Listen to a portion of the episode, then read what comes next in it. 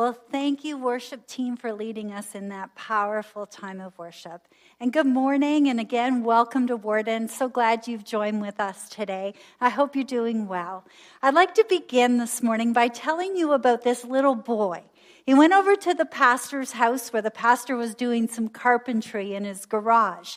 And he just stood there and watched for the quite a long time. After a while, the pastor wondered why he was watching him. So he stopped and he said, son, are you trying to pick up some pointers on how to build something? And the little boy replied, no, I'm just waiting to hear what a pastor says when he hits his thumb with a hammer. and the way we find out what we're made of is by what comes out of us when we're under pressure, when we experience bad circumstances. Now, I think it would be safe to say this past year we've experienced some very bad circumstances and we've been under pressure. And to be very honest with you today, I've had some things come out of me lately that I didn't know where they came from. I didn't know they were in there. I haven't been as patient as I would have hoped. I haven't had as much self control that I thought I would and haven't been loving at times. And, and I've found myself crying out, Come, Holy Spirit, I need you. I need you to come and to change me and make me more like Jesus. You know, one of the primary purposes of the Holy Spirit coming into a Christian's life is to change that life, to develop our character and to cause us to mature spiritually. It's the Holy Spirit's job to conform us to the image of Christ, making us more like Him. So this morning we're continuing in our series, Pour Your Spirit Out. So far we've looked at how the person of the Holy Spirit empowers us by bringing us comfort. Today we're going to look at how the Holy Spirit works to change us and make us more like Jesus. And no matter who you are or how far you've come, we all need the Holy Spirit to fill us and make us more like Jesus. It's kind of like the story I read about these two construction workers. They'd taken their lunch break and they opened their lunch boxes, and one of them looked inside his lunch box and said, Not baloney again. I can't stand baloney. This is the third time this week that I've had baloney. I hate baloney. The other person said to him, Well, why don't you just ask your wife to make you something different? To which he replied, I don't have a wife. I made these myself. You see, the fact is, most of the baloney in our lives we put there ourselves. And if we ever want life to be any different than the same old baloney we keep serving ourselves, we need to start praying, God, pour your spirit out. I need you to come and to change me and to work in my life. Now, if you need some convincing, if you don't think you need to change that much, then I want you to just imagine that you're holding a cup of coffee and somebody bumps into you, causing you to spill what's in your cup. Now, you don't spill tea, you don't spill fruit juice or pop. You spill coffee because coffee is what's in your cup. If you had tea in your cup, that's what you would have spilled. Um, the point is, Whatever's inside your cup is what's going to come spilling out of your cup if you're bumped into or shaken. We're each like a vessel, not unlike a cup. Looking from the outside, no one will know what we contain. But when events in our lives come and bump up against us and shake us up, whatever's in the inside is most likely going to come spilling out. So we need to ask ourselves, what's in my cup?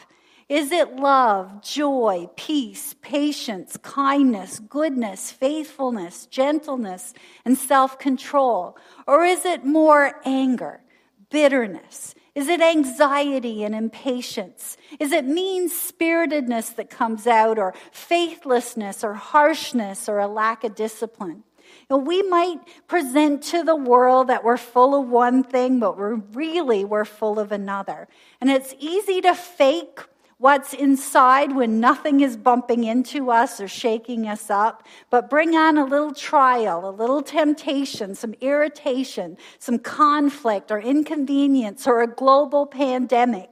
And what's inside our heart of hearts will come spilling out.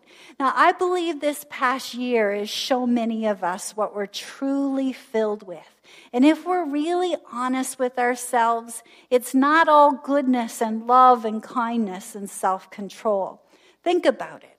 What comes out of you when you're under pressure?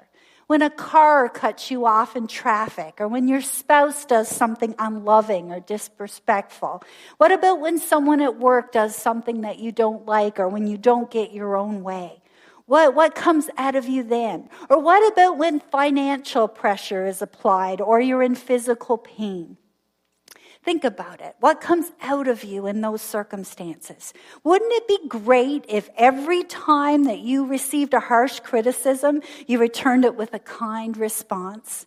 Wouldn't it be great if the next time you were wronged, instead of feeling rage and anger, your response was one of patience? On top of that, that you experienced a sense of joy in your life, even when things are really hard and you've been hurt? What if the next time you faced uncertainty, instead of agitation and this inward churning, you had a real sense of peace? Would you like that?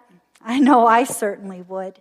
And I know it can happen when we embrace the working of the Holy Spirit in our lives and we allow Him to produce good fruit, or what the Bible calls the fruit of the Spirit. So, what is the fruit of the Spirit? Well, to put it in simple terms, an orange is a fruit that comes from an orange tree. An apple is the fruit that comes from an apple tree. And the fruit of the Spirit is what comes out of a life that is yielded to the Holy Spirit. The list of the fruits of the Spirit is found in Galatians chapter 5, verses 22 to 23. If you have your Bibles, you can turn there to Galatians chapter 5. It says, But the fruit of the Spirit is love, joy, peace, patience, kindness, goodness, faithfulness, and self control. I agree with what John Stott has written about these beloved words. He said the mere recital of this, these Christian graces should be enough to make the mouth water and the heart beat faster, for they are a portrait of Jesus Christ. The presence of these characteristics makes a person more attractive. They're more pleasant to be around, a joy to work with and for. They make for better marriages, better parent and child relationships, better friendships, better everything. You cannot lose by having more of the fruit of the Spirit in our lives. When God pours out His Spirit on His children, I believe that it's for the purpose of making us more like Jesus. It's not just so that we can have some mystical spiritual experience. John 15, 7 says, This is my, uh, 15, 8 says, This is my Father's glory, that you bear much fruit, showing yourselves to be my disciples. You see, God wants us to grow spiritually mature so that we can bear spiritual fruit because it brings glory to Him. Now, fruit, it can be bad or good. Paul starts out describing the bad fruit, the kind that comes from the sinful nature. The fruit of the Spirit is in direct contrast to the fruit of the sinful nature. Paul lists those first in verses 19 and 21. He says, When you follow the desires of your sinful nature, the results are very clear sexual immorality, impurity, lustful pleasures, idolatry, sorcery uh, hostility, quarreling, jealousy, outburst of anger, selfish ambition, dissension, division, envy, drunkenness, wild parties, and other sins like these. Here, Paul lists 15 acts of the sinful nature, but in the next two verses, he lists the nine things that he calls the fruit of the Spirit. And he ends verse 23 with this statement Against such there is no law. You see, laws are to restrain people from certain behavior, but there's no need to restrain anyone from these nine things. In all the huge volumes of laws around the world, you would search in vain to find a law against love, joy, peace, patience, kindness, goodness, faithfulness, gentleness, and self control. They're just not there because there's no need for laws to control the growth of the, this kind of fruit. Because in contrast to the acts of the, the flesh, these acts and attitudes, they don't hurt people in any way. They help and they heal and they add beauty and, and pleasure to all of our relationships. These fruits are a foretaste of heaven and the goal of this life should be to become a garden where they grow in abundance. Since God's goal for all of his children is for us to be like Jesus, the Holy Spirit continually works to rid our lives of the acts of the sinful nature, the bad fruit, and display his fruit instead so that we can be more spiritually mature. Here's the best way I can describe it. How do you know when a tomato plant is mature? It bears tomatoes, right? How do you know when an apple tree is mature? It grows apples. So, how do you know when you're spiritually mature? You bear the fruit of the Spirit. You see, the Christian life, it's this battle of the sinful flesh against the new nature given by Christ. And as fallen human beings, we're still trapped in, in our human bodies and we still desire sinful things. As Christians, though, we have the Holy Spirit producing His fruit in us, and we have the Holy Spirit's power available to us to conquer those sinful desires that we have. And we're never going to be perfectly able to demonstrate the fruits of the Spirit in our lives. And there will be times when we give in to the sinful nature. But one of the main purposes of the Holy Spirit is to produce more and more of His fruit in our lives. We need to allow the Holy Spirit to, to help us to conquer those opposing sinful desires. The fruit of the Spirit is what God desires our lives to exhibit. And with the Holy Spirit's help, it is possible. So, to help us understand how the fruit of the Spirit is better produced in our lives, I want us to look at some fruit facts. the first clue to understanding how the fruit of the Spirit is produced is the fact that it's called fruit of the Spirit. It's really important that we understand the preposition of, because this is not fruit that we produce. It's fruit that the Holy Spirit produces in us. When it comes to producing fruit, um, here's the bad news for you. You can't do it. But the good news is God can. And I'm here to tell you that He wants to produce it in your life. And it's not by our striving and our straining, it's through the power of the Holy Spirit. No amount of human effort or gritty determination can produce spiritual fruit. But the Spirit is influence in a yielded heart can just work miracles. So, what I don't want you to hear today is do better, be better live better because that is never the message of the gospel. The gospel is never try harder and God is going to be pleased with you. Just tighten up your spiritual belt. No, that's not what you need to do. The gospel is look to Jesus and his ability to save and sustain and to sanctify you and ultimately produce fruit in and through you. So my goal is not for you to leave with action steps of how to be a better person or to cultivate change in your life. I want you to leave with a, a worshiping heart towards the one who can change your life. Paul's desire in Galatians is not for them to learn some new manners, it's that they will be a new creation in Christ. The fruit of the Spirit can't be produced in us apart from a dependent connection on the Holy Spirit. And even if we could have ma- managed to exhibit some characteristics that look like the fruit of the Spirit, it wouldn't be the fruit of the Spirit at all. It would be fake fruit, like plastic fruit, the products of our own efforts.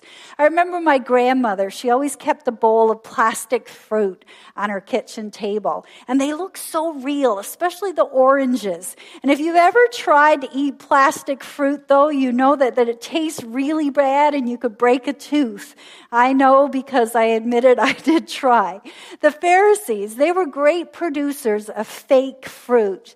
Um, they had they were quite proud of this fruit that they produced but jesus once said to them in matthew 15 verse 13 every plant which my heavenly father has not planted will be uprooted and like the Pharisees, we too can try to manufacture the fruit on our own. But any attempt to produce fruit apart from relying on the Holy Spirit, it just won't last. Think about this. Have you ever been inside a manufacturing plant where they make things? If you have been, you know that it can be really loud. You might even have to wear earplugs just to avoid bodily harm. Now, can you imagine taking a nap near an assembly line? The sounds of those loud machines would make it next to impossible to, to rest and nap in that atmosphere. Now, on the contrary, have you ever walked into an orchard? The still, the calm. Just picture it. The birds singing all around. They evoke such a sense of peace and tranquility. Now imagine stretching out under the shade of the vines and just resting and taking a nap. My point is, it doesn't take much noise to produce fruit. What people manufacture and try to make, it's accompanied by an overabundance of noise and commotion and very little rest. But that's not the case with what God produces. I read that uh, speaking to a large audience, D.L. Moody held up a glass and he asked, How can I get the air out of this glass? And one man shouted, Suck it out with a pump. Moody replied, That would just create a vacuum and shatter the glass. After numerous other suggestions, Moody smiled. He picked up a pitcher of water and filled the glass. Then he said, All the air is now removed. He then went on to explain that victory in the Christian life is accomplished by not sucking out a sin here and there, but by being filled with the Holy Spirit. Fruit is produced by the Holy Spirit. It's not in our own efforts. That is our first fruit fact. The second one is fruit takes time to grow. Another clue to understanding how fruit is produced in us is to remember the nature of fruit itself. Fruit doesn't grow overnight, but it grows through a process that's under the sovereign control of God. Now, sometimes we understandably want to hurry the process along and see the fruit of the Spirit in our lives in an instant. It's like we've all heard that saying, Lord, give me patience, and I want it now. We might even be tempted to chase after some new mystical spiritual experience that'll zap us instantly and transform us into the image of Christ's fruit and all. But I remember when I was a kid's, when I was the kids pastor, you know, parents would send their kids off to camp for a week in the summer and they would expect them to come back transformed into these perfect children. I even remember one parent saying to me, My child was good for the first few days after camp and then they went back to being their old self. You know, that doesn't surprise me because fruit takes time to grow. If I planted a peach tree on Monday, I couldn't expect to eat peach cobbler on Friday. It takes time for peaches to reach their full size. I could pull up a chair even and sit down and wait for those peaches to grow, but I still wouldn't see any uh, discernible difference. Even though I can't see it though at the time, the Holy Spirit is still working and the fruit is still growing towards maturity. And that's the way it is in our lives. We need to allow the Holy Spirit all the time that He wants in directing the timing and the process of the production of His own fruit in us. We need to also accept what he brings into our lives, the various trials and tests that he develops and brings there to develop our, the fruit in us. And we shouldn't shortchange the process. We need to trust the ministry of the Holy Spirit to produce His fruit according to His own timetable and according to His own method. You know, one of the worst things we can do is try to produce His fruit for Him. But the safest and the wisest thing we can do is to entrust ourselves, our brothers and sisters in Christ, our spouse, our children, to God's own sovereign fruit producing ministry. Don't try to be the Holy Spirit in someone else's life. It doesn't work, believe me. I've tried. Leave that work to the expert, the Holy Spirit. Another fruit fact is that bearing fruit is going to be painful. I have to warn you. John 15, 2 says, He cuts off every branch in me that bears no fruit, while every branch that does not bear fruit, He prunes so that it will be even more fruitful. Pruning can be painful, but it's necessary for us to grow. I heard about this little girl who read an article in a gardening magazine about a fruitless apple tree. She showed it to her father, who was frustrated with his own tree because he was experiencing just the same thing. The article said that you should drive a few nails into the trunk of the tree. So the father decided to do that. And, and the next year, that tree bore more fruit than ever before. And sometimes pain and suffering can be productive. It's like pruning a tree or driving a nail into it. So I want to encourage you don't waste the hard times that you might be going through. Ask the Holy Spirit to use it as fertilizer to encourage growth of some spiritual fruit.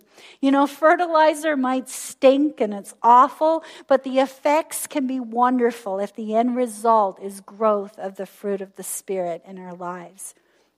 Fruit fact number four is fruit is different than a gift.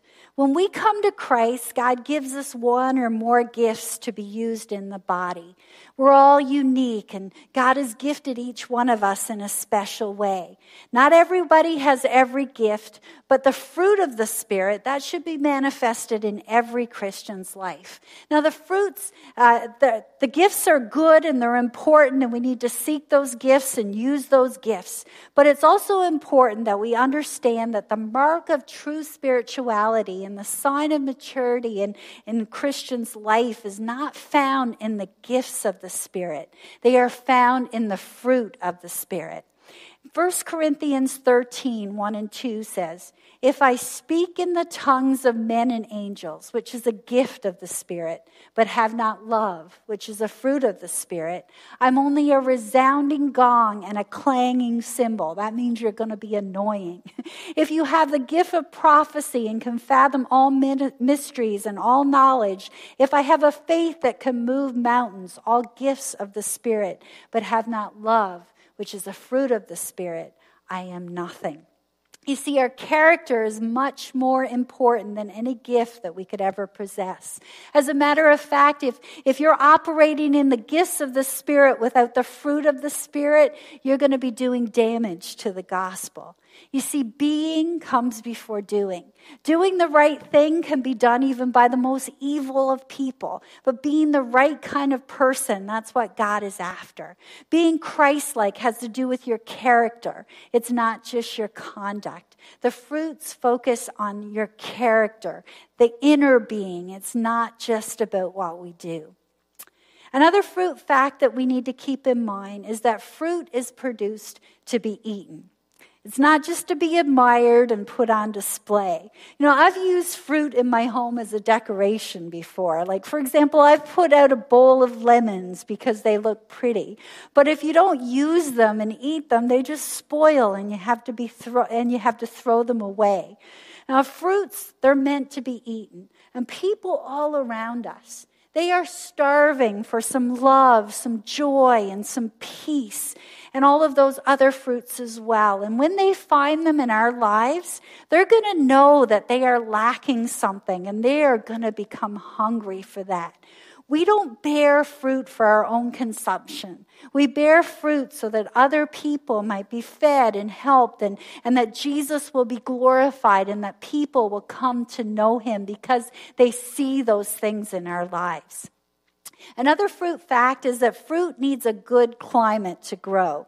Yes, the the work of the Holy Spirit is to produce his fruit in our lives, but Paul also warns us that there must be a right atmosphere for fruit to grow. And fruit goes best in a climate blessed by prayer, by reading the Word of God, by worship, and by being together with God's people. So we need to spend time on those spiritual disciplines so that the Holy Spirit can have the right climate in our lives to work and, and to produce even even more fruit more effectively. Another fruit fact is that healthy fruit comes from deep roots. With a literal plant, you don't grow fruit by focusing on the fruit. The fruit happens naturally when the roots are deep and healthy. And the same is true in our own spiritual lives. I once read about this little boy who used to escape his bedroom after being punished. He would crawl out of his bedroom window down an old fruit tree to the ground. Well, one day his father told him that he was going to chop down that fruit tree because it didn't bear any fruit anymore. And that evening, the boy and his friend, they bought a bushel of apples. And during the night, they tied those apples to the barren branches. Well, the next morning, the man couldn't believe his eyes. He said to his wife, honey, I just can't believe it. That old tree that hadn't produced any fruit in years. And now it's covered in apples. And the most amazing thing is, it's a pear tree. for, for some Christians, we approach spiritual growth like tying apples on a fruitless tree. If you drive by and you look at that kind of tree quickly, you might think that it's healthy. But tying apples on there just doesn't fix the real problem.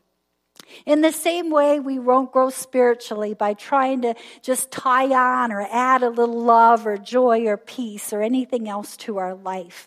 You can't do it by, you, by doing those things, you need to drive your roots deep down into Christ. The more we embrace His love, His love and, and the promises that are in the gospel and the spiritual truth that's in the Bible, it's then that the fruits begin to appear naturally in our life.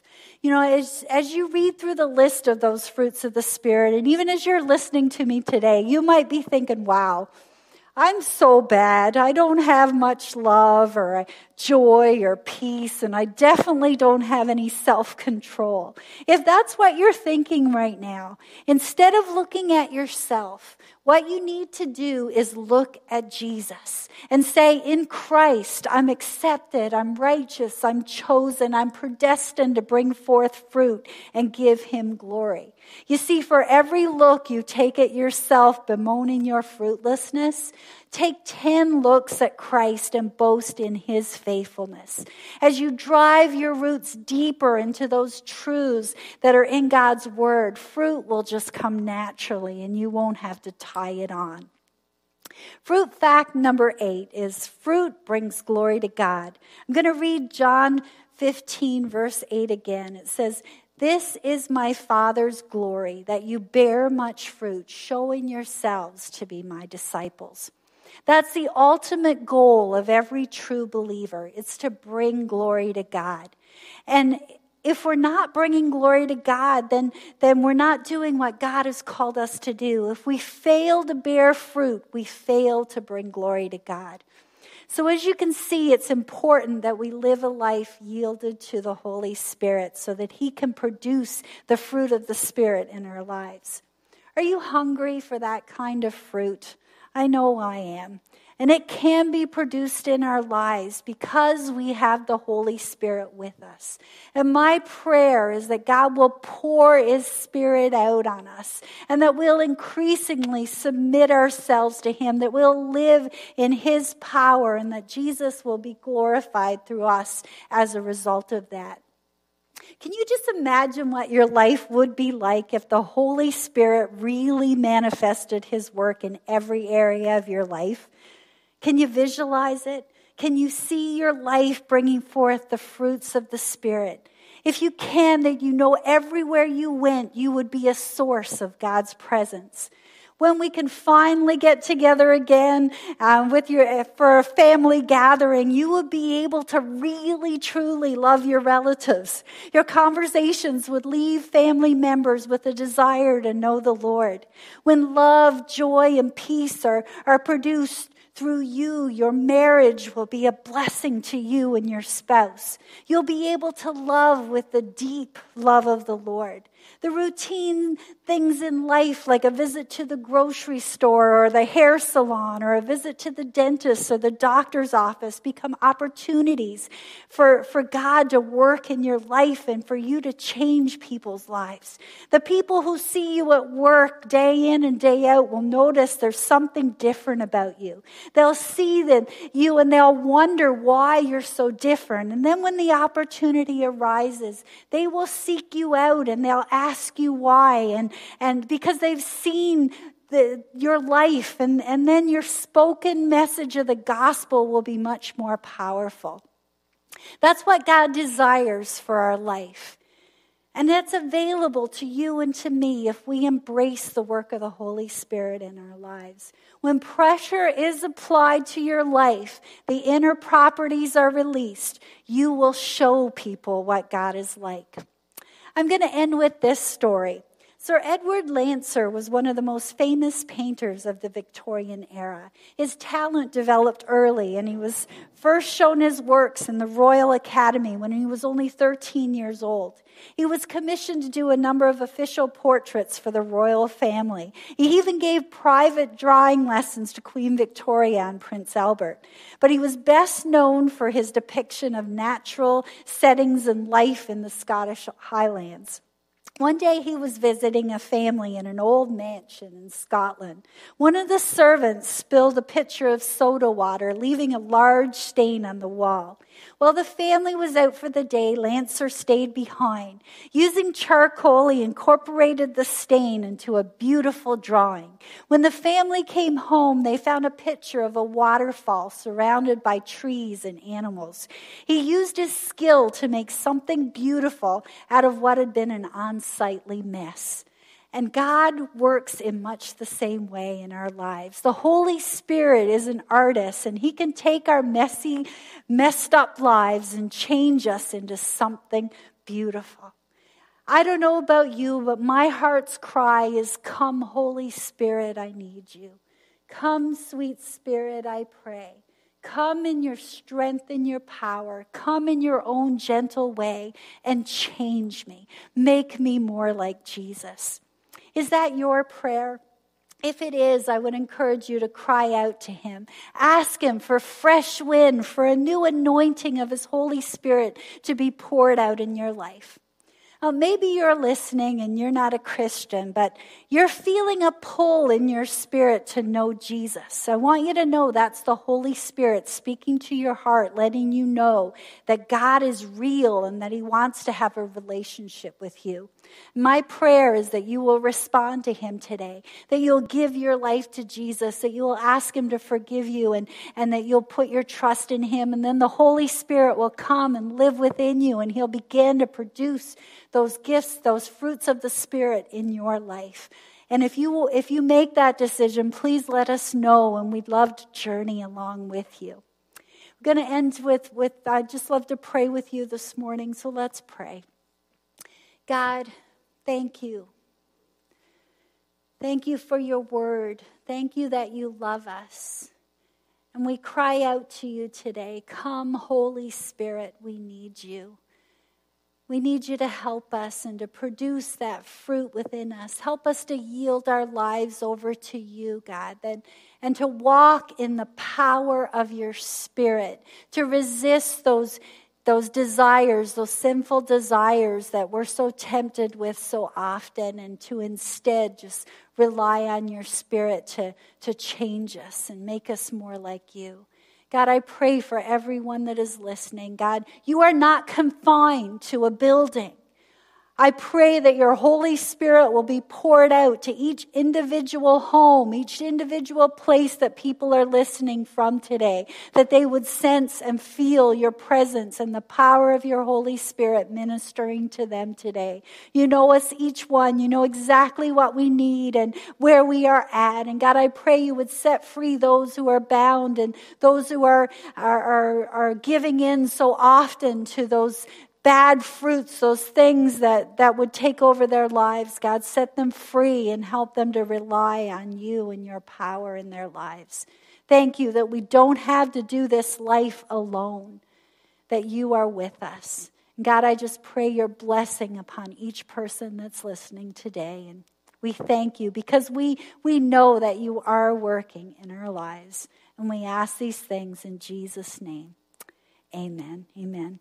Now, if you would like someone to pray with you specifically and personally, just click the request prayer link, and one of our pastors or hosts would be happy to pray with you and believe God for your situation today. I want to thank you for joining us. God bless you, and have a wonderful week.